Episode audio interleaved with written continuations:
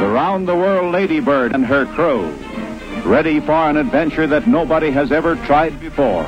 USA holder vejret, da Emilia Earhart igen begiver sig ud på en rekordlang flyvetur, denne gang på vej rundt om jorden. Then I ran into a storm, which was one of the most severe I have ever been in. Men hun styrter ned og er endnu ikke blevet fundet. Gertrude Bell knytter stærke bånd til de arabiske stammeledere under sine strapasserende og ikke ufarlige rejser i ørkensandet. Every step in the desert, life and fire claim me. Diane Fossey lever blandt vilde bjerggorillaer i Rwanda og bruger helt utraditionelle metoder for at komme tæt på de troede dyr. Now, I had to crawl around for two years, came to imitate their peaceful vocalization, their contentment vocalizations, mom, like this.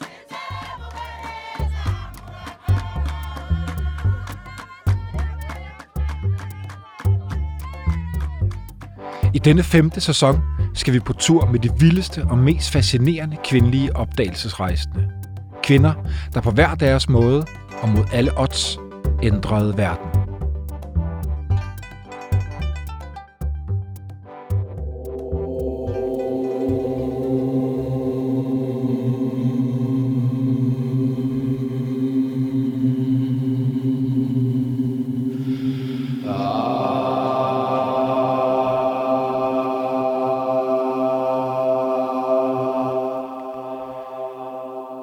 Det uventede er den daglige følgesvend, når man rejser i Tibet. Sådan skriver Alexandra David Neal. Forklædt som munk, og efter 14 års rundrejse i Asien, lykkedes det Neal at komme ind i det utilgængelige og lukkede Tibet, og hun møder også Dalai Lama. Fransk-belgiske Neal var mystiker, forfatter, opiumsryger, anarkist og senere buddhist. Hun dyrkede Madame Blavatskys spiritisme, hang ud i hemmelige selskaber og salonger – tåget af opium og tung parfume, og med sine bøger inspirerede hun beatpoeterne Jack Kerouac og Allen Ginsberg. Neil var ude på flere lange rejser. Den mest skældsættende var den til Tibet, men var det også den væsentligste, eller var det måske den indre rejse? Velkommen til dig, Søren Satroff. Tak. Du er til daglig direktør i Kilroy Travel. Du er selv eventyr med stor indsigt i og med stor kærlighed til klassisk ekspeditionshistorie og har selv gennemrejst Himalaya, Pamir og Tibet på cykel og i foldekajak. Og så skal jeg bare lige huske at sige, Søren, at det er jo helt utroligt. Du har også været tilbageholdt af banditter i uh, Tajikistan, hvor det lykkedes dig at blive smuglet ud i en postboks. en historie, som jo på en eller anden måde har fortjent et helt selvstændigt afsnit her i den yderste grænse, og jeg håber, at vi også kan få tid til at tale om den i dag. Yes. Søren, fortæl om, øh, om Neil. Vi øh, er på vej ind i øh, Tibet. Ja, vi er på vej op på plateauet. Vi er på vej ind i Tibet, det fantastiske højland. Øhm, men her, på vejen ind, er vi i de øh, forrevne bjerge, de unge bjerge, på vej ind gennem Himalaya. Øhm, Neil er sammen med sin assistent, en lama, som for nogen blev kaldt også hendes, måske hendes elsker, men en mand, en ung mand, som hun kom til at hænge sammen med i mange, mange, mange, mange år. Næsten indtil få år efter, øh, før hun døde. De er sammen. De er på vej ind gennem et forrevnt øh, område. Øh, natten er ved at falde på, øh, og de, øh, de kryber sammen i et buskads øh, under et pas. Og der ligger de så, og sneen begynder at falde. Den falder blidt og stille ind over dem. Og så vågner de øh, hen på øh, natten, da stjernerne øh, har, har, øh, har løftet sig på himlen, øh, og tænderne står skarpt skåret øh, omkring dem, øh, så vågner de ved, at de hører stemmer. Og der kommer stemmer, som bevæger sig tættere og tættere på dem, og de ligger helt stille. Helt stille. De er dækket af et let, fint lag nysne, og da de her stemmer kommer helt tæt på, stopper de desværre op. Øh, og de kan mærke, de kan høre, de kan fornemme, de trækker vejret, de folk, der står der. Og så øh, kan de høre, de taler, hvad er det? Hvad er det, der ligger der?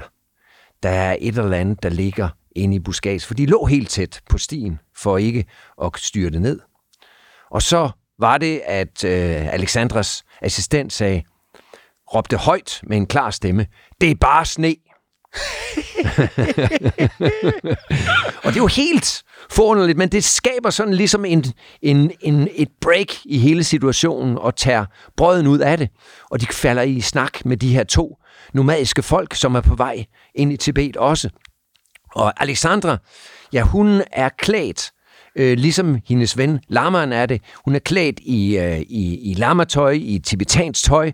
Hun har øh, øh, malet sig i ansigtet. Hun har øh, knyttet øh, jak hår til, øh, øh, til sit hår, så det ser ud som om, det er ganske langt, som tibetanernes hår var. Hun falder ind med de lokale. Hun er lokal. Wow, så er scenen sat. Yes. Og øh, den skal vi jo tilbage til på et tidspunkt, men vi skal på en, øh, på en afstikker, øh, Søren, for jeg kunne rigtig godt tænke mig lige at, at høre lidt om hendes baggrund. Hun var jo allerede som, øh, som ung meget søgende. Hvad gik, øh, hvad gik det ud på? Jamen, Alexander voksede op i, i, i borgerskabet. Hendes forældre var i og for sig ikke specielt velhavende, men hun var del af borgerskabet. Og allerede fra hun var helt tidlig, fra hun var helt ung, fra hun var barn, kunne hun mærke, at hun ikke passede ind. Hun havde i og for sig hun havde behov for at trække sig til sig selv og fundere og udforske. Og hun allerede tidligt i sin år, i sin teenageår, snakkede hun om, at hun var nysgerrig på det, der var på den anden side af havelån. Altså, at hun ville ikke være bundet af havelån, men at den vej, der kørte forbi havelån, den havde hun lyst til at ned af. Og betød det så den anden verden, eller også det indre? Fordi begge ting kom jo senere til at betyde meget for hende. Det spirituelle, yes. men også den anden, øh, den anden side af jordkloden, man kan sige det sådan. Yes, det betød begge dele, for de var ikke adskilt for hende. På en eller anden måde var det en søgen både hos sig selv, i forhold til, hvem hun var, og det var en sø- søgen, en nysgerrighed efter the other. Søren, fortæl, hvordan hun så ud. Ja, vi snakker jo om en kvinde fra borgerskabet, men som ikke var forfængelig. Hun kunne sagtens gå i det elegante tøj og spille med i Madras eller Bombay eller Calcutta, men hun i den her kontekst, der havde hun en tibetansk kutte på, som var dækket af lag af snavs og gøjs. Nogle gange gik hun i, uh, i kjole, andre gange i bukser. Det smarteste var i bukser, og som igen var dækket af et tykt lag af sod og snavs. For det var tibetanerne, der var ikke, man var ikke særlig Øh, man var ikke særlig, man gjorde ikke særlig meget ud af sig selv på den måde. Og det var sådan, hun var dækket ind. Så havde hun sit lange hår, ligesom en lille mystisk personlighed, som på mange måder passede ind i hele det her tibetanske univers. Ja. Hvad, var, hvad, var det for, hvad var det for en tid, og måske også, øh, hun bliver jo en ung kvinde, der, der rejser ud. Øh, hvordan var det som kvinde at rejse ud på den tid? Ja, altså, hun, nu, vi snakker her, vi skal tilbage i, øh, hun er født, hun er født i Frankrig i 1868 i det, man kalder The Belle Epoque, eller den skønne tid. En periode før Første Verdenskrig og hele den lammende konflikt, der, der, der ramt hele verden.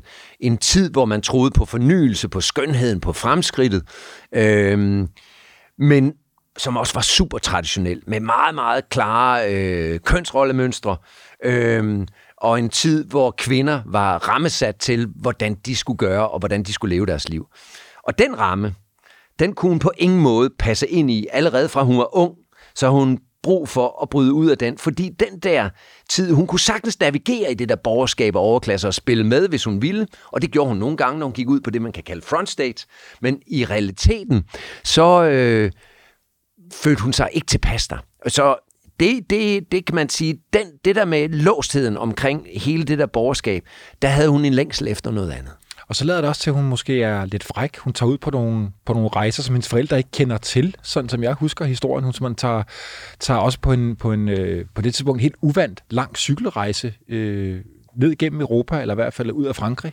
Ja, altså i dag kunne man sige, det, jamen det er sgu måske ikke så vildt. Selvom virkeligheden er, at at mange er så unge, er så pæne, som ikke gør det der vilde lige nu så meget. Men, men virkeligheden var jo, at hun faktisk satte sig på en cykel og cyklede ned igennem Frankrig og ind gennem Spanien, uden at sige, hvor hun skulle hen. uden, øh, altså, ikke? altså Sådan. på exploration, på flow. Ja. Ikke? Jo. Hun møder i, øh, og jeg kan ikke huske, hvornår det er, Søren, det mm. ved du måske, hun møder jo en, øh, en, øh, en adelig kvinde, som kommer til at være vigtig for hende.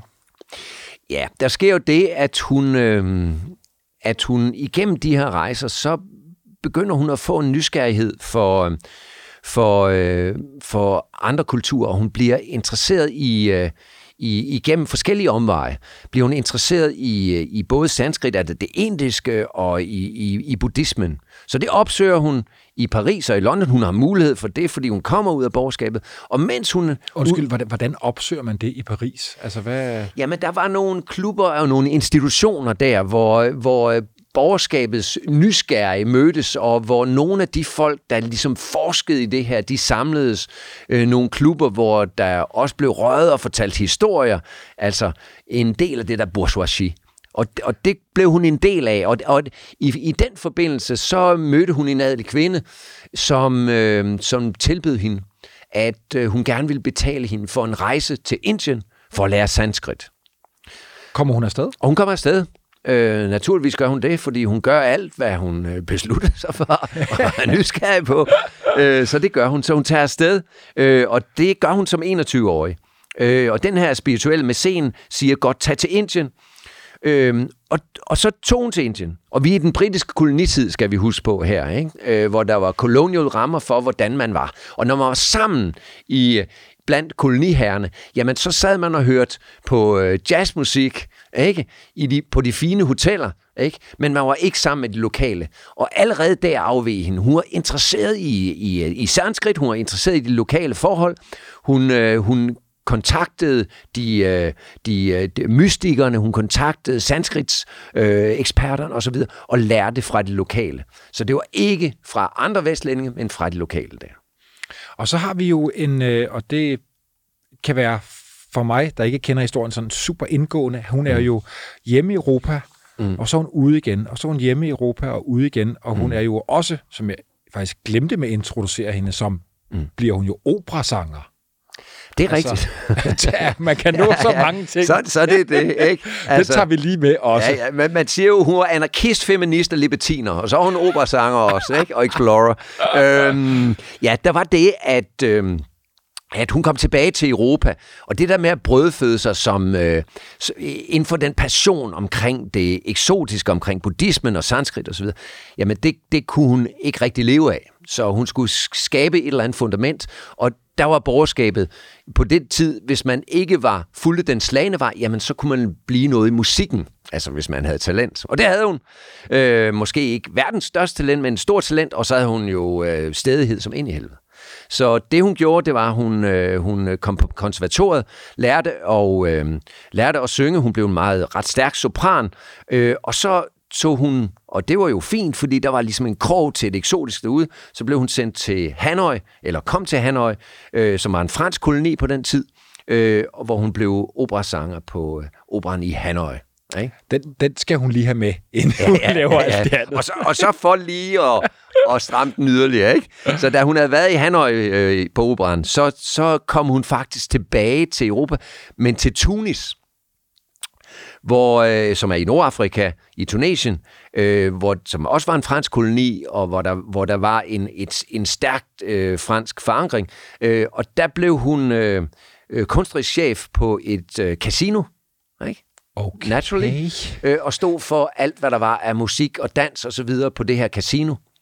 Og så møder hun sin øh, fremtidige mand. Det er rigtigt. Ja. Det er rigtigt. Og hvem, det, hvem, hvem er han? Kender vi ham? Det er du ret i. Øhm, ja, det gør vi. Øh, og det, der var helt særligt med det, det var, at han var super overklasse på den måde. Han var meget velhavende, han var millionær på det tidspunkt. Han øh, var leder i forhold til den franske infrastruktur i Nordafrika. Øh, ingeniør. Øh, ret sådan traditionel på mange måder. Øh, men hun falder for ham. Nogen vil sige, at hun falder for ham, for hun havde brug for en mæcen. Øh, og der er selvfølgelig masser af historier omkring det. Øh, nogen vil sige, at, at det var ægte kærlighed. Og uden at det skal komme til at fylde enormt meget, så var det, skete der faktisk det, at hun kom til igennem de næste mange, mange, mange år, kom hun til at være meget lidt sammen med ham. Er de, de er fortsat gift, gift gennem De er fortsat gift okay. gennem hele hendes flow, igennem alt det, vi kommer til at tale om i dag. Øh, og hun skriver meget hjerteligt med ham. Hun er tæt forbundet med ham, sansligt og spirituelt og han leverer penge til hendes eventyr, men forstår hende ikke. Kan hun være begge dele? Kan hun være forelsket, og så alligevel øh, klog i forhold til at finde en mand, som hun ved kan, kan sponsorere hende? Det tror jeg, fordi det, det, det der med, man kan, man kan sige i forhold til, hvad var det? Jeg, hun havde nok en, øh, en stor drøm om at få, få skabt et, et, et, et spirituelt lidenskabeligt forhold til en mand. Ikke så meget drevet af det seksuelle, men mere drevet af den der fælles indre forståelse. Og, og det var ikke det, han var drevet af, men de havde alligevel en stærk kontakt. Og her passer det eneste lydklip, vi har på Alexandra Neal, jo fantastisk fint ind i, i din historie, Søren. For det er sådan, at øh, jeg og kære øh, Bjørn på lyden har let og let og let efter øh, lyd på Neal, og vi har fundet et klip på hende. Det er fra 1969. Det er det samme år, som hun dør. Mm. 100 eller 101 år gammel når hun jo at blive. Og øh, hvis jeg nu skal være helt ærlig, så øh, er jeg ikke helt sikker på, hvad det er, den gode Neil siger, fordi det er på et andet filosofisk plan, hvor øh, jeg ikke er så trænet i. Men jeg tror, at hun prøver at fortælle os, at man, og det er jo på fransk, så mm. men jeg synes, vi skal høre en stemme alligevel, at man, og det er det, hun siger, ikke skal, man ikke kan kontrollere sit liv, men man skal være til stede. Mm. Øh, man skal ikke sige, at man har man burde eller kunne have gjort sådan og sådan, hvis man har levet på et andet tidspunkt, men være til stede i nuet. Mm. Lad, os, øh, lad os høre Niels stemme.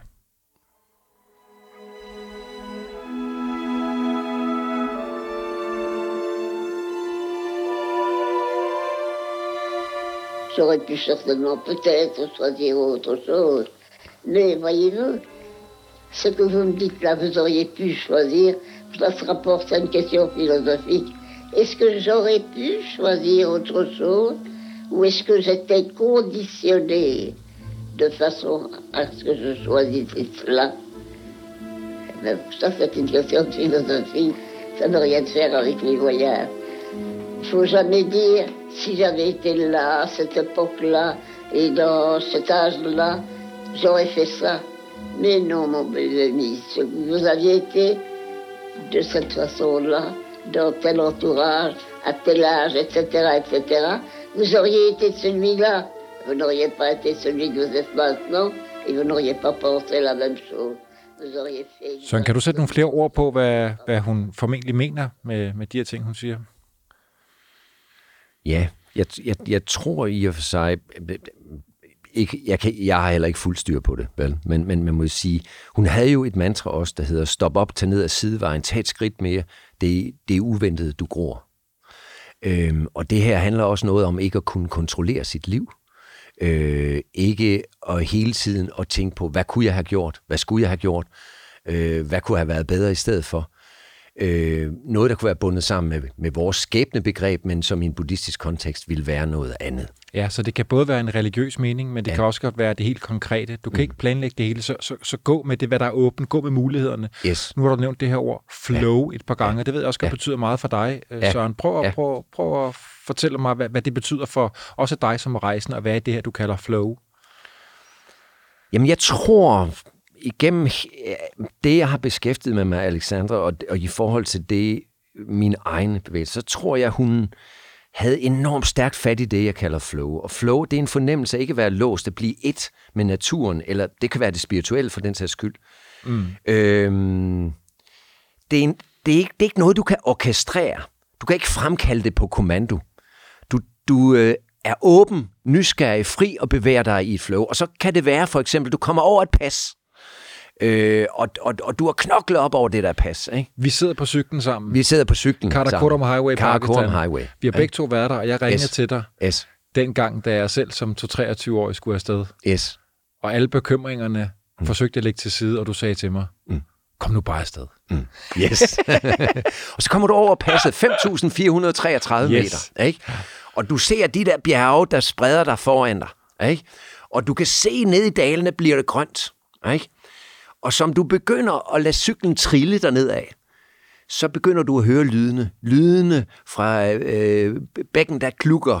Du øh, hører fuglene, der skraber øh, nogle ravne, der flyver forbi. Og du tager armene ud, og du skriger, yeah! og fløver der nedad. Og jeg tror i og for sig, noget af den der tilstand, mange, i hendes mange dage og nætter osv., osv. Det der, den der flow-tilstand, den, den kender hun. Det er det optimale det er nærmest en tendens, en, en transcenderende. Mm. Det er transformativt.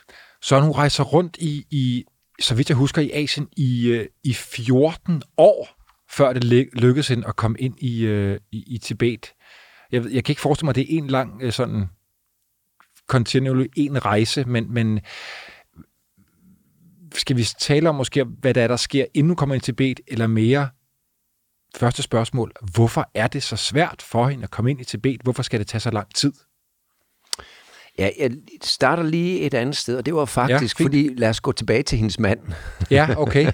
og det var, han sagde, øh, ved du hvad, Øh, hun var hjemme. De var hjemme sammen i Europa, og, og, og hun, øh, hun var utærlig. Hun, hun kunne ikke være i det. Hun, øh, hun havde brug for at, at øh, bryde ud af de spændbånd, der var i borgerskabet. Hun kunne ikke være med til de her baller hele tiden, osv. osv. Hun havde brug for at trække væk. Så sagde han, løb det er der. Tag afsted. Du får penge nu. Så tag afsted til Indien. Og han tænkte, at så løber hun det af sig, og så kommer hun tilbage om et år eller et halvt år. Og det tog så 14 år.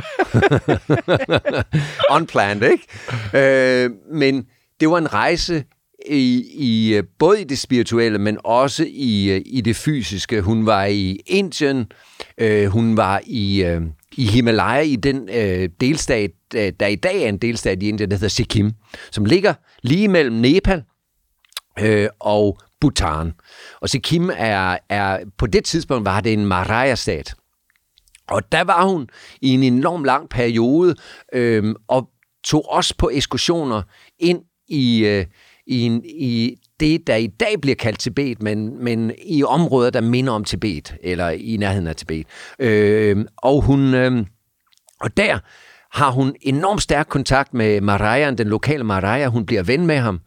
Øh, nogen vil Altså sige, en form for leder? en, en, eller? en form for led, er en konge, kunne En man konge, sige. ja. En, øh, sammenlignet med en konge, som der Raya i, i, i Bhutan, og det var der også i Sikkim. Og, øh, og hun bliver øh, ven med, øh, med, hvad hedder det, nogle af de religiøse ledere, lamaer der. Øh, og hun møder også øh, Dalai Lama der.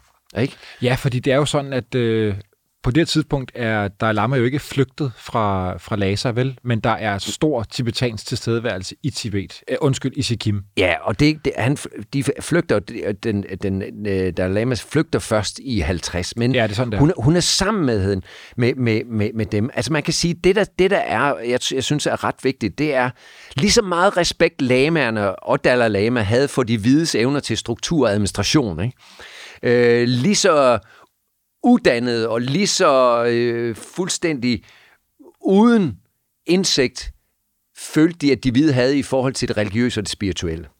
Øhm, og så det der med pludselig at støde på en vestlig kvinde her, som havde læst satans meget i Europa, inden hun kom hertil, om buddhisme osv. Hun kendte til de buddhistiske doktriner. Det virkede som umulighed på dem. Mm, ikke? ja. Øh, og man troede faktisk ikke, at Vesten overhovedet kendte til buddhismen. Og det, det brugte hun som en krog. Hun sagde, det er derfor, jeg er her. Jeg har brug for at vide, jeg har brug for at forstå. I skal tage mig med ind i det her univers. Det må være kommet bag på dem. Og det kom bag At der på kom dem. sådan en. Ja, altså, det kom dybt bag på dem. Og så brugte hun det der, den der ydmyghed til at lære. Og den der ydmyghed, jeg tror også, du kender det fra rejser. Det der med øh, at komme til folk med den der ydmyghed og være nysgerrig på dem osv. osv. Så kan man jo få en, en særlig kontakt. Øhm, og hun havde ikke haft en lama-master. Og Dalai Lama sagde til hende, lær det tibetanske sprog. Det er vejen ind. Og det gør hun. Og det gør hun. Men hvorfor får hun ikke tilladelse til at rejse ind? Søren, fortæl, hvad det er for en situation, hvor Vesterlændingen ikke må komme ind i Tibet. Jamen, Fordi det var jo sådan, det var. Ellers var hun jo... Så, sådan var det. Det var lukket land. Der var mange forskellige forklaringer på det, men man kan sige en helt kerneforklaring i slutningen af 1800-tallet, begyndelsen af 1900-tallet, der var der egentlig gang i det, man kan kalde the great game. Englænderne var bange for, at russerne skulle trænge ned til deres besiddelser i Indien, i Afghanistan, ned gennem øh, Pamirbjergene, i, øh, i, i, øh, som ligger øh, vest for, for øh, Himalaya, og, øh, og øh, også bange for, hvad kineserne ville. Så der var den der, der var en kamp hele tiden, hvor englænderne havde sendt øh, spioner ud i landskabet, Francis Young Husband øh, øh, og så videre, og så videre, så videre. Mange af de her mandlige spioner, som alle sammen var på en mission. Og så var der Alexander David Neal, som havde sin egen agenda, og hun passede fandme ikke ind, vel? Fordi hun var drevet af noget andet. Hun var ikke drevet af stormagtspolitik. Hun var ikke drevet af... Hun, havde ikke, hun, var, hun var ikke en militær person. Øh, og hun kunne komme til at sætte dem øh, ærgelser på halsen.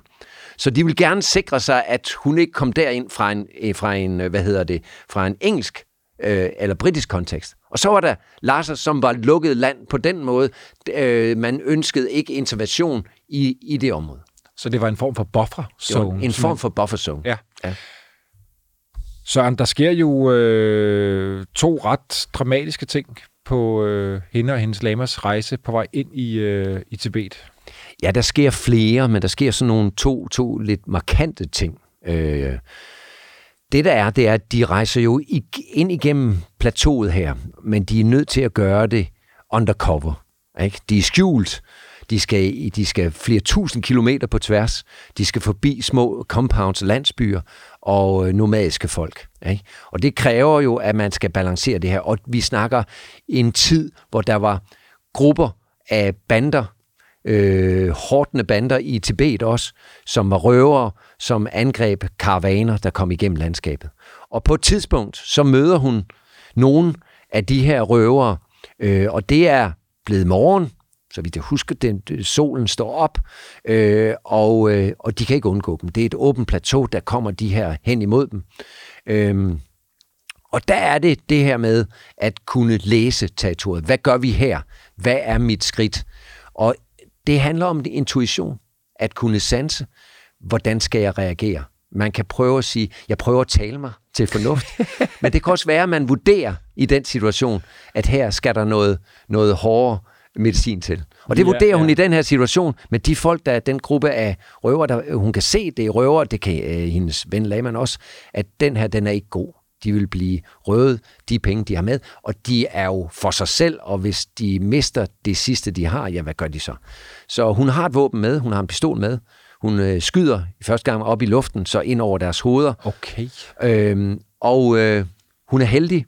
De vælter og stikker af. De, de trækker ind over bjergene. Øh, og øh, Alexandra og Laman bevæger sig ned gennem dal.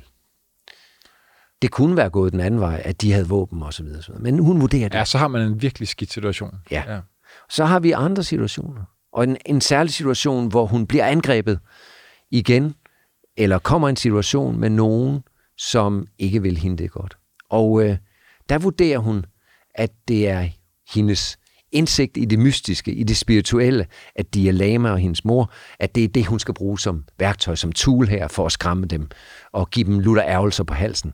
Så hun påkalder de onde magter. Ikke? Og vi snakker jo om på den her tid, at, øh, at, at dem, der er stærke ind i mystikken, de kan faktisk være i stand til at skabe en ild omkring sig, som står ud omkring sig, og, og som står op over hovedet på en. Men hun på, påkalder sig de, de, de vilde magter og dæmonerne på de her mennesker, som bliver skrækslagende.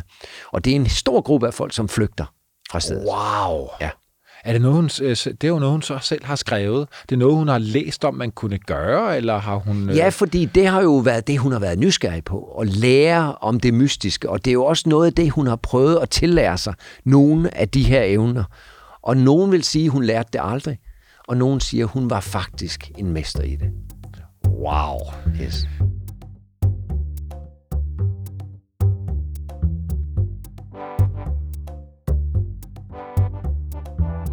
Og det passer perfekt, at vi kommer tilbage til scenen, som du som malerisk startede med. Mm. Hun er sammen med sin øh, lokale rejsemarker, mm. øh, Lamaen der, mm. og øh, de ligger der i det der telt og er formentlig bange for at blive opdaget, for de må ikke være der, de må ikke rejse ind, og så kommer der de her lokale, og så råber han, det er bare sne. Ja. og så øh, klipper de en negl og en tog, ja. og hvad det hedder, og så, og så lykkes det at dem at, at komme videre. Lad os, lad os fortsætte i den scene der. Hvad, hvad, hvad sker der så på rejsen, deres fælles rejse? Ja, jeg tror, jeg laver lige en krog tilbage. Ja, fordi, endelig. Fordi på den her rejse, hvor hun øh, faktisk er, først havde været, fordi det var, det var under, hvad hedder det, det her det er i, i øh, 1924. Det er efter Første Verdenskrig. Ikke? Igennem Første Verdenskrig, der var der, havde hun masser af udfordringer. Hun var i Korea, hun var i Japan, Hun har mødtes med Kawagai, en, en munk, som havde været i Tibet oprindeligt. Hun øh, er inde i Mongoliet, Indre Mongoliet, og kommer tilbage. Og så skal, øh, vil hun afsted mod Tibet. Og der har hun, på det tidspunkt, så var næsten alle, hvad hedder det, alle de her opdagelsesrejser, det var enorme ekspeditioner med mange mennesker og, og øh, assistenter osv. Og, så og sådan startede det også ud med hendes rejse. Men Nå, hun, okay. men hun kunne se, at hvis hun skulle have mulighed for at komme ind i det forjættede land her, ind i øh, Tibet, så skulle de gøre det small and simple. Og derfor endte de med, med alle mulige undskyldninger at sende deres assistenter ud på opgaver rundt omkring, for at de kunne frigøre sig af dem, øh, for at de kunne rejse videre. Og det skulle de jo så underdække. Så det handlede om, at han var lamaen, hun var hans mor. Tibetansk kvinde. Derfor fik hun det her hår af jakkeuld. Derfor var hun farvet sort på i hovedet og i hænderne med blæk, wow. med kinesisk blæk. Og så tog de afsted. Og det er klart, at sådan noget blæk der, det løber jo også ud, når det sneer og så videre, og så videre. Så de havde nogle situationer, hvor, hvor det var på højkant. Men de, var, de to bare afsted på vej mod Lhasa til fods. Ikke? Hun har eventyr-DNA'et, lyder det som. Det må man sige. Mangler hun noget, tænker du? Altså, hun, hun lader til, at hun opfylder alle de her kriterier af at have redskaber og drivet og nysgerrigheden og, og, og så videre. Ja, altså man man kan sige, hvis vi skulle prøve at sige nogle ting, det, det, det, det, det er, at man er nysgerrig, man har intuition, man, man er udholdende, man, man kan fikse ting, som man er satens dygtig til. Øh, Man har styrken, også en sårbarhed til at lytte og lære, og en taktik, taktikeren og tro på det gode, uden at være naiv, ikke? Altså, at, at man møder med et åbent sind. Men det, der måske ikke er der, som, som jeg i hvert fald ikke ser her, det, det, det er humoren som øh, i hvert fald for mig er en, har været en sindssygt vigtig åbner, også når det er gået grueligt galt. og jeg tænker også for dig, øh, det ved jeg, at, at det er et sted, hvor man mødes, og hvor man pludselig kan få noget fikset også. Og det kan sagtens være, det, det var der. Det kan sagtens være, det var der. Øh, men i, i den tid, og de historiefortællinger, der var for den tid, der talte man ikke om humoren som et redskab. Det var ikke noget, der, der, der sådan er i, i historiebøgerne. Så han fortæller om, at da de kommer ind i, i øh, Tibet. ja, så kommer de ind til, de kommer op igennem Himalaya, som er de her meget forrevne, øh, smalle dale, som bliver meget, øh, som bliver meget stejle. Øh, og, og når man kommer ind på øh, op mod Tibet, jamen så på et tidspunkt, så kommer du op igennem de her meget stejle bjerge, hvis du, øh, du kommer op igennem Himalaya. Jeg har jo kommet den vej op et par gange, og så og så ser du det her gigantiske plateau foran dig. Du har kunne have en eller anden fornemmelse af, at, at nu er det lavland, men vi, altså, vi er oppe i over 4.000 meters højde, op til 6.000 meters højde. Så du er, du er prone til højdesyge, og det er fuldstændig goldt. Hvor du kommer fra det der grønne, det er de vilde bjerge, forrevne bjerge med sneen og så videre, så, så kommer du op i, øh, på tab- øh, plateauet, altså Tibetans plateau, og da Himalaya er regnlag, jamen så falder der ikke regn der. Men det der så er, det er alt det her, alt den her goldhed, de her forskellige stentyper, de her forskellige farver, når solen falder på dem. Så det bliver enormt smukt, og det der vistas og det der uendelige, det er, det er helt formidabelt. Men det er også benhårdt. Man kan mærke, at du selv har været der, Søren. Du har Ja, cyklet igennem det kan jeg øh, love. Tibet. Yes. Og jeg ved ikke, om du gjorde det på samme måde som hende. Jeg husker, at, at øh, jeg tror, at de rejste øh, om natten og sov om dagen for måske at, at kunne snige sig frem i løbet af, af natten. Ja, det var det, de gjorde her for ikke at blive opdaget. Fordi selvom de havde klædt sig ud, så var de nødt til at, at være forsigtige. Og det gjorde de så ved at gå om natten. Og der kan man selvfølgelig også blive... Der kan jo være mistænksomhed, og de har store tibetanske mastiffer deroppe osv., så, videre, så, videre, så det skulle de ligesom navigere udenom. Og jeg har jo selv prøvet det. Jeg har for eksempel været øh, på en rejse ud til det øh, hellige bjerg Mount Kailash, eller Mount Meru, som, som for mange religioner er, er the center of the universe, og, og for tibetanerne og bønfolket, som er de oprindelige tibetanske religion, øh, er et sted, man tager på pilgrimage til. Og der måtte jeg altså gemme mig bag på lastbiler, øh, under præsendinger, øh, nede, bag, nede under kul og koks og så videre, så videre, for at bevæge mig de der 3.000 kilometer på tværs ud til Mount Kailash. Og, hør, og hørte hunden, der jagter. Og hørte hunden, der jagter, og hvis man var på cykel. Ikke? Så jeg kender det edderbask med godt.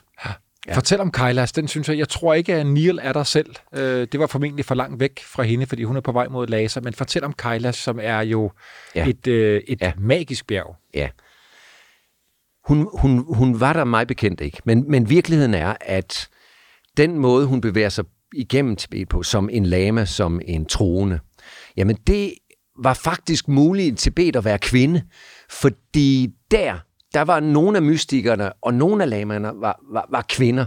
Så det, blev, det var ikke så usædvanligt. Hvorimod, hvis man rejste som kvinde enligt i Europa, eller i Afrika, eller ned gennem Sydamerika, det var dybt usædvanligt. Øhm, så faktisk var det sådan en eller anden form for naturligt det. Og hun var jo også drevet af det spirituelle. Og man kan sige, Mount Kailas er et sted, hvor pilgrimme den dag i dag bevæger sig ud til helt fra Lhasa. Jeg mødte øh, pilgrimme, som kom helt fra Lhasa, som på, i tre måneder bevægede sig ud til Mount Kailas ved at forme deres bevægelse med kroppen. Så de laver det, der hedder prostration. Er det helt bevæger sig hele vejen ned øh, med kroppen, hele vejen uden omkring Mount Kailas. Ja, så de står, lægger sig ned, Står og lægger sig og ned. rejser sig der, hvor deres hænder rører jorden, Yes, og på den måde ligger, står, ligger og står hele vejen rundt om bjerget. rigtigt.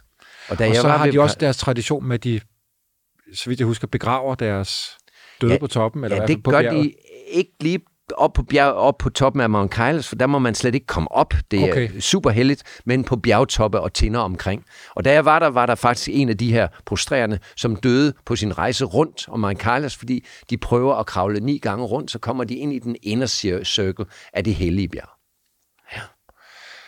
Hun kommer til, øh, hun kommer til Lhasa. Hvad, hvad, ved vi, hvad hun synes om sit møde med, med øh, den forbudte by? Den, den, den utrolige by, hun har i så mange år har, har rejst efter? Ja, altså på en eller anden måde var den symbol på, på det. Og alle folk sagde til hende, at øh, det kunne hun ikke. Hun kom aldrig derind.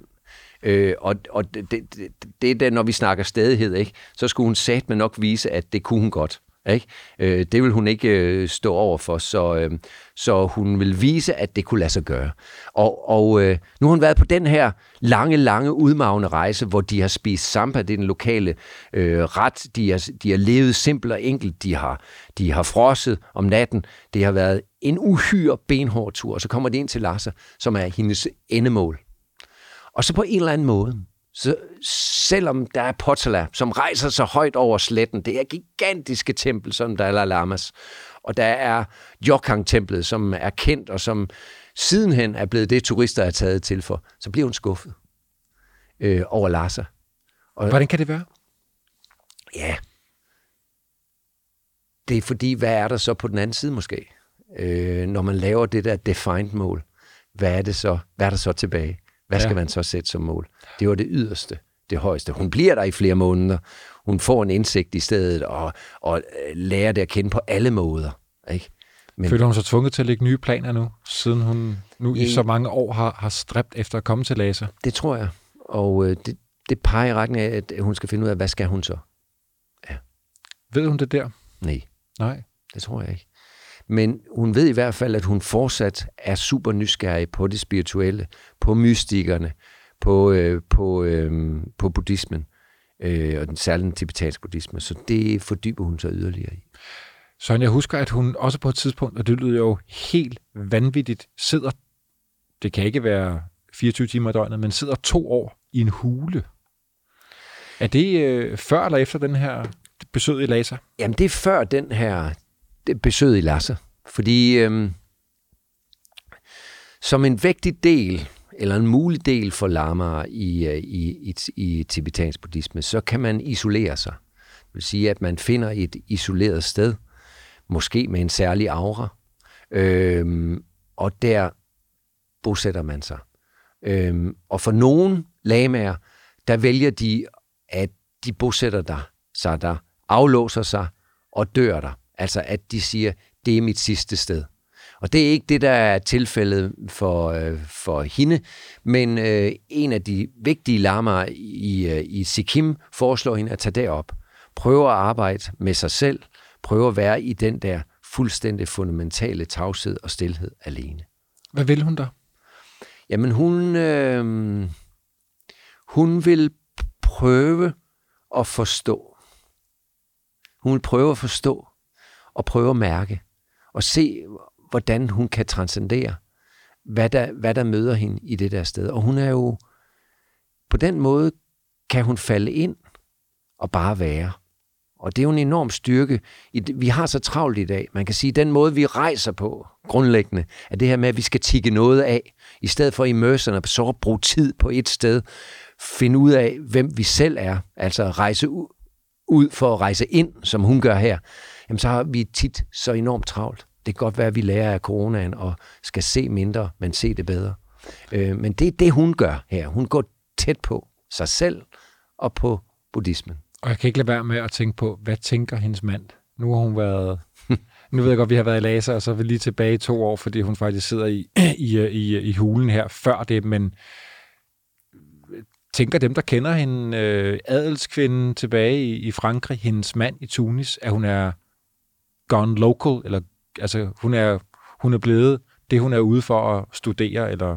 Ja, det tror jeg, de, de forstår hende ikke. Og det, det, det er jo også derfor, hun er taget ud, kan man sige.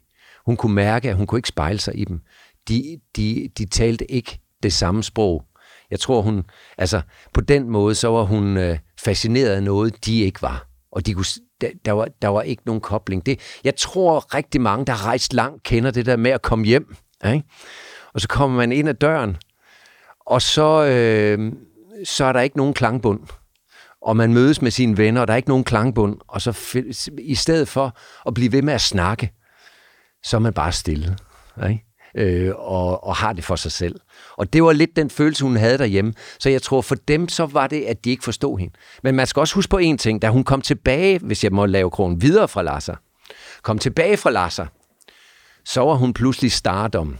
Altså hun kom ned tilbage ind i Indien til Colonial Folk, der Charles Bell, som er chef for den engelske eller øh, øh, for, for det engelske i for det britiske i, i Indien, og hun bliver behandlet som en star. Fordi altså, det kommer bag på folk, at det lykkedes hende at komme at ind? At det lykkedes hende at komme ind. At, at hun har lavet den her fantastiske rejse. Er hun øh, den første vesterlanding i længe, hun, længe? Hun er den første vesterlandske kvinde i hvert fald. Hun er også den første vesterlanding, som ikke havde noget med militær at gøre, der kommer ind. Øhm, og, øh, og hun er på den måde, så for bourgeoisiet, så bliver hun noget, noget man gerne vil associeres med. Ikke? Noget, man vil gerne vil, lidt mere, ligesom man viser noget frem her, så vil man gerne holde fester for hende osv. Hvordan håndterede hun det? Jamen det kunne hun øh, godt være i, fordi hun faktisk godt kunne gå ind i den der front stage, fordi hun havde faktisk også det der, hun havde brug for anerkendelse. Hun havde alligevel den der brug for at sige, at hun kunne godt, fordi der var mange, der ikke respekterede hende for at vælge en helt anden vej. Og pludselig så bliver hun stjernen, både her, men også når hun kommer tilbage til Europa, øh, hvor hun begynder at skrive bøger om de her rejser, og hvor hun bliver fætteret. Ja, og senere, som jeg også startede med at sige i ja. introduktionen, så, øh, så, så øh, skriver hun flere bøger. Ja. My Journey to Lhasa, som bliver ja. øh, meget læst. Øh, jeg ved ikke, om det er en af de bøger, du også har taget med, så du har taget flere ja, der er af hendes, hendes bøger ja. med i dag. Ja. Øh, og hun bliver en stor inspiration for, for meget, meget kendte forfattere. Ja. Øh, Kurak, øh, Ginsberg osv. Ved du, ved nogen noget om, hvordan de ligesom læste hende, og hvor, hvorfor hun inspirerede dem? Ja, det interessante er jo faktisk, at jeg, der, der er flere niveauer i det. Hun blev født under det, vi kalder den skønne tid, altså i, med troen på fornyelse, skønhed osv. osv. Det, det, det, det er 1868, ikke? Og hun dør i 69, 1969. Det er 100 år efter. Hun bliver 100 år gammel. Og det er efter studentoprøret i Paris, og efter Jimi Hendrix spillede de store, fede koncerter.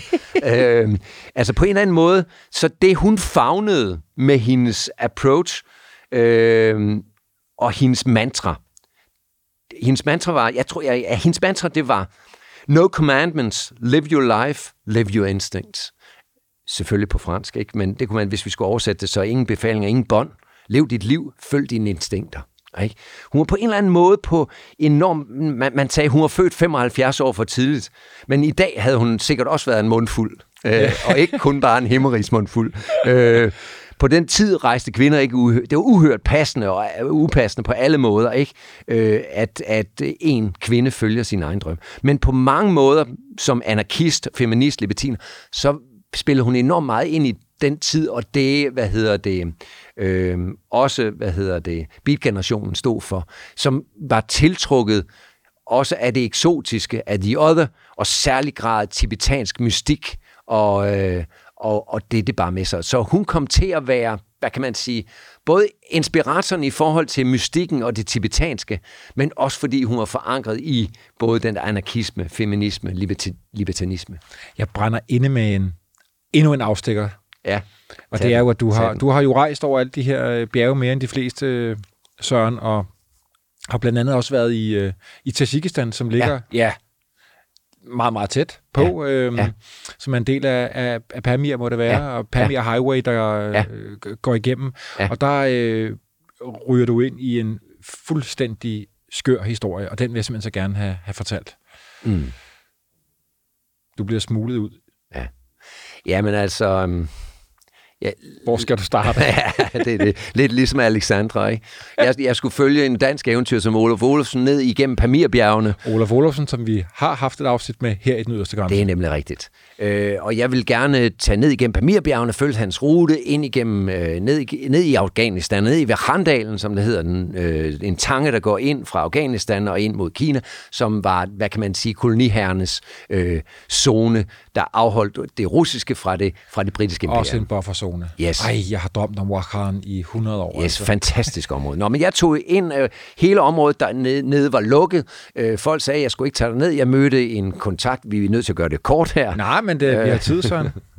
Øh, så øh, igennem en bulgarsk kontakt, som var chef for en bulgarske bank i øh, Moskva, Here we go. så øh, fik jeg krejlet tilladelser fra øh, den, de russiske myndigheder til at tage ned i øh, de her stater, øh, fordi at man skulle, øh, man havde på det tidspunkt, var de ved at blive løsrevet. Det, vi snakker i begyndelsen af 90'erne. Og de var ved at blive selvstændige stater. Så jeg fik mulighed for at få tilladelse til at komme ned i det område, øh, lige nord for Afghanistan. Russerne var, var på vej ud af Afghanistan. Øh, og virkeligheden var så, at jeg fik plads på et, øh, på et missionær, et, et, et, et, et, et øh, militærfly, som fløj ned i Dushanbe. Og da jeg landede, det var kun sammen med udenrigskorrespondenter, så blev vi fragtet i, i mans, panseret mandskabsvogn ind til et hotel, som okay. hed Hotel Tajikistan, hvor der kun var luder og lommetyve og de her, øh, hvad hedder det, korrespondenter. Og så var jeg sammen med dem, øh, mens helvede begyndte at bryde løs, og der var, der var små borger, borgerkrigsagtige tilstande i området omkring. Det var sikkert ikke så smart at tage ned, men jeg skulle følge Olofsens rute. Så øh, jeg tog sammen med nogle af de her korrespondenter over en anden dal, og blev derfra øh, fragtet videre ned i Pamirbjergene. Øh, og så tog jeg ned, dybt ned i Pamirbjergene sammen med øh, en fyr, der hed Olan Bekhoff, som var min guide, og øh, som var leder af en øh, kirgisisk gruppe, øh, og var sammen med dem helt ned på, på grænsen til Vahan, prøvede at komme ind i, i, over grænsen til, øh, til, i, til, øh, til Afghanistan, men der var ballade i, i de zoner, og måtte tage til sidst op nordpå for at komme op mod Kirgisistan. Og da jeg så bevæger mig op nordpå, så er der opstået alle mulige små oprørsbevægelser. Lidt, der kunne minde om sådan nogle ISIS-bevægelser, der ligger og har deres egen garnitioner. Og øh, så bliver jeg taget til fange øh, ved en af de her garnitioner, øh, bliver taget ind Øh, og det er sådan nogle, det er nogle vildbasser med deres øh, Kalashnikovs, ikke? og pandebånd, og en oberst, og nogle hjælpere. Og så bliver, vi, øh, så bliver jeg gennet ind i et rum. Og hver nat, så bliver jeg taget til forhør. De tror, jeg er amerikansk spion. Jeg har nogle amerikanske militærkort, der hedder TBC-kort med. Øh, Jeg har masser af kameragrej med. Hvad fanden laver jeg der? Og Jeg hvor, får- hvor, hvor længe sidder du der? Jamen, der sidder jeg så en, en uge. Så sker der faktisk det, at Olan Bekhoff, min guide, jeg er til forhør hver nat. Jeg må sidde og besørge i et hjørne i den der lerklinede hytte. Jeg får kolera, jeg bliver enormt syg, og der sidder bare en vagt og passer på mig. Og efter en uge, så kommer Olan Bekhoff, øh, min guide der, tilbage med en gruppe og vi, vi var, var reddet dertil på hest, det glemte jeg at sige. Øh, så det gjorde de her nomadiske folk. Og øh, så kommer en gruppe af folk til hest og kræver, at jeg bliver løsredet, løsgivet af den her gruppe, og de har deres våben med.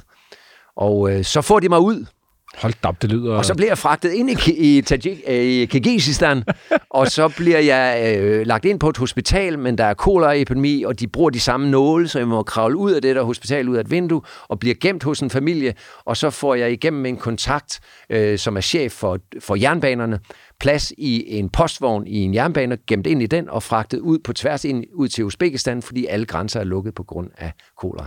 Og så kommer jeg hjem. Ikke? Det var en lille tur.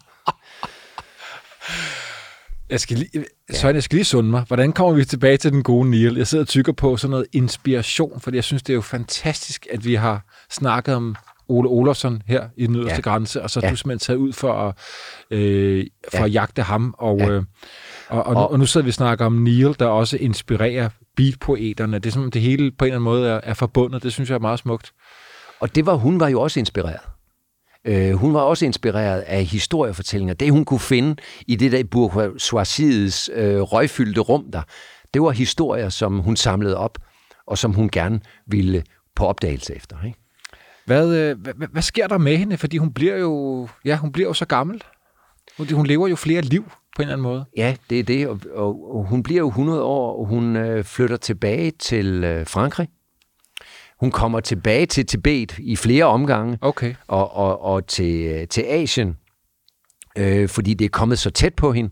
Hun har svært ved, når hun er i det franske, og, og være, være en del af, af den virkelighed, der er der, og derfor så fordyber hun sig i, øh, i øh, enormt akademiske værker og skriverier omkring det spirituelle, og skriver en række bøger, laver historiefortællinger, rejser rundt og øh, bjergtager folk, øh, og fordyber sig og laver et lille buddhistisk center for sig selv. Og hun har stadigvæk hendes ven med, hendes hjælper, den unge lama, som var hos hende fra starten i Sikkim i over 40 år sammen med hende. Og han dør af, han, formentlig kommer han til at få et misbrug, et alkoholsmisbrug, og dør af, af nyresvigt, øh, og det er en kæmpe sorg for hende. Øh, det er hendes, hendes tæt forbundne, hendes øh, ene side af sig selv. Hun har bare lyst til at dø, men hun, hun lever videre og øh, får faktisk 12 år efter det og skriver historier. Og så har hun jo også holdt fast i sin, sin mand, Ja, hun hold, hold, hold fast i sin mand under, under, undervejs. Og det er meget, meget fint og smukt på en eller anden måde, det her med, at hun blev ved med at skrive breve til ham. Og han forstod hende ikke. Og de også accepterede, altså han accepterede, at hun var, som hun, ja, hun var? Jeg, jeg tror, at han også havde en længsel. Der var noget, der resonerede der. Øh, og en kæmpe respekt for den power og vildskab, hun havde. Øh, så de historier, der kom hjem fra hende, på en og samme tid ville han gerne have, at hun var der. Han havde, fik også en elskerinde og så videre. På den anden side vidste han godt, at hun aldrig kunne komme til at leve der. Så det blev det der platoniske kærlighedsforhold. Hun dør, ja, hun dør i Frankrig i 69. Ja. ja. Hendes aske bliver, så vidt jeg husker, strøget ud over Ganges. Ja. Og det er jo meget fint. Det er jo øh, Ganges... Øh, hvad ja, hedder gør, det? gør man det i Ganges? Man... Ja, det, det gør man. Der, der kremerer man folk øh, i, i, i en hinduistisk kontekst, og Ganges flyder fra Himalaya helt op fra det tibetanske plateau. Der er en forbindelse mellem sans, buddhismen, sanskrit, hende, det vand, der flyder. Det giver mening, ikke? Ja. Søren, jeg synes, vi skal lade Neil få det sidste ord i dag. Det synes jeg er en god idé. Man kan sige, at noget hun sagde, som stod enormt stærkt, og som indrammer, hvem hun er, det er, for den, der kan sanse, så er hvert øjeblik i det frie vandreliv en fortryllelse.